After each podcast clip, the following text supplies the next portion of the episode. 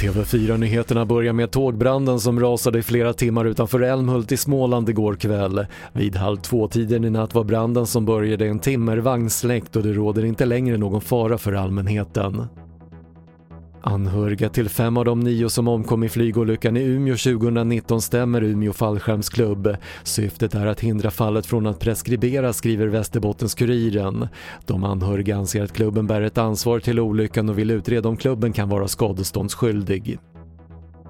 Minst 15 människor har omkommit och över 100 000 har evakuerats efter kraftiga regn i centrala Kina. 12 personer omkom när stora vattenmassor forsade ner i ett tunnelbanesystem och passagerarna fastnade i de vattenfyllda vagnarna.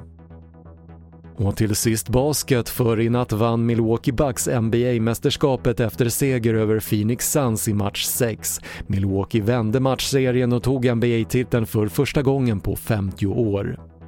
Det var det senaste från TV4 Nyheterna. Jag heter Patrik Lindström.